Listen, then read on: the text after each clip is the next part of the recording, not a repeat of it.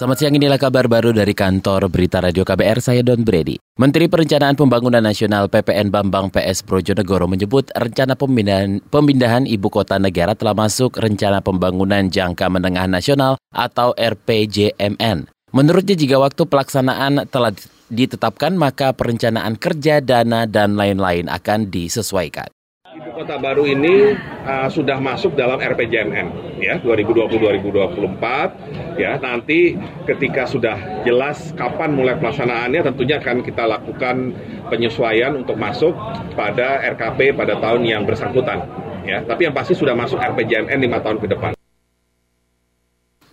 Bambang menegaskan pemindahan ibu kota dengan negara uh, Maksud kami Bambang menegaskan pemindahan ibu kota negara dari Jakarta ke Kalimantan bukanlah upaya memindahkan masalah, namun memberi kesempatan daerah lain untuk berkembang. Sebab kata dia, Jakarta kini merupakan kota yang berkembang cepat, sehingga harus dikurangi beban masalah yang ada agar bisa tumbuh menjadi kota bisnis bertaraf internasional. Sebelumnya, pemerintah berniat memindahkan ibu kota dari Jakarta ke daerah lain. Rencana ini masih dalam pengkajian.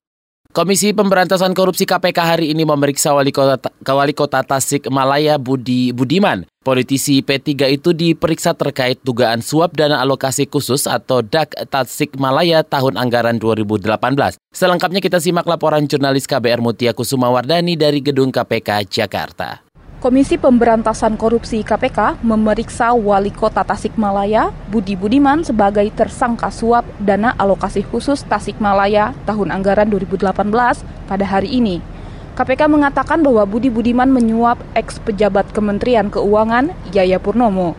Budi diduga memberi suap sebesar 400 juta rupiah ke Yaya untuk memuluskan keinginannya mendapatkan sejumlah uang dari DAK tersebut. KPK menjelaskan pada tahun 2017 Budi diduga bertemu Yaya dengan mengiminginya akan memberikan sejumlah uang apabila membantu rencananya tersebut.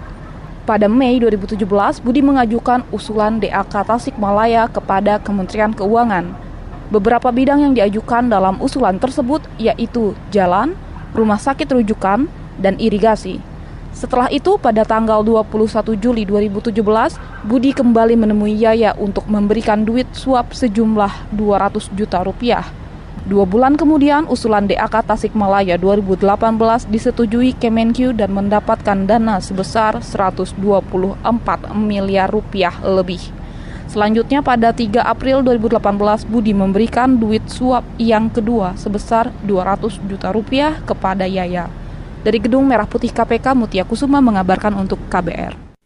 Pemerintah Kota Solo menyebut merangkaknya harga bahan pokok di wilayah itu dikarenakan keterbatasan stok. Selengkapnya disampaikan kontributor KBR di Solo, Yuda Satriawan. Pemerintah Kota Solo menyatakan merangkaknya harga sembako saat Ramadan maupun menjelang Idul Fitri ini karena keterbatasan stok. Kepala Dinas Perdagangan Pemkot Solo Subagio mengatakan pasokan dari daerah produsen sembako dari Jawa Timur mengalami keterbatasan panen. Menurut Subagio, Pemkot Solo akan berkoordinasi dengan daerah pemasok dan mencari upaya lain untuk mengendalikan harga sembako. Kaitan dengan antara ketersediaan, ketersediaan barang yang ada. Dan kami kaitan kalau ini nanti akan meningkat, kami nanti akan melakukan hubungan dengan daerah-daerah pemasok. Nanti kalau ini memang kondisi harga ini terus menjual yang tidak terkendali sampai mengkorek inflasi yang baru nanti kita lakukan upaya-upaya. Sebagaimana diketahui harga sebagian bahan pangan pokok atau sembako di Solo mulai merangkak naik, antara lain cabai, telur ayam ras, gula pasir, daging ayam, tepung, dan sayuran. Sedangkan harga bawang merah dan bawang putih yang sempat menembus Rp70.000 per kilogram saat ini sudah turun ke angka Rp55.000. Namun angka ini masih stabil tinggi karena harga biasa Rp35 hingga Rp45.000. Tim pengendali inflasi daerah atau TPID Solo juga sudah melakukan pengecekan harga sembako di berbagai pasar tradisional di Solo yang menjadi pusat distribusi bahan pangan pokok di Solo dan daerah sekitarnya. Dari Solo, Jawa Tengah, Yudi Satriawan, KBR. Demikian kabar baru dari kantor Berita Radio KBR, saya Don Brady.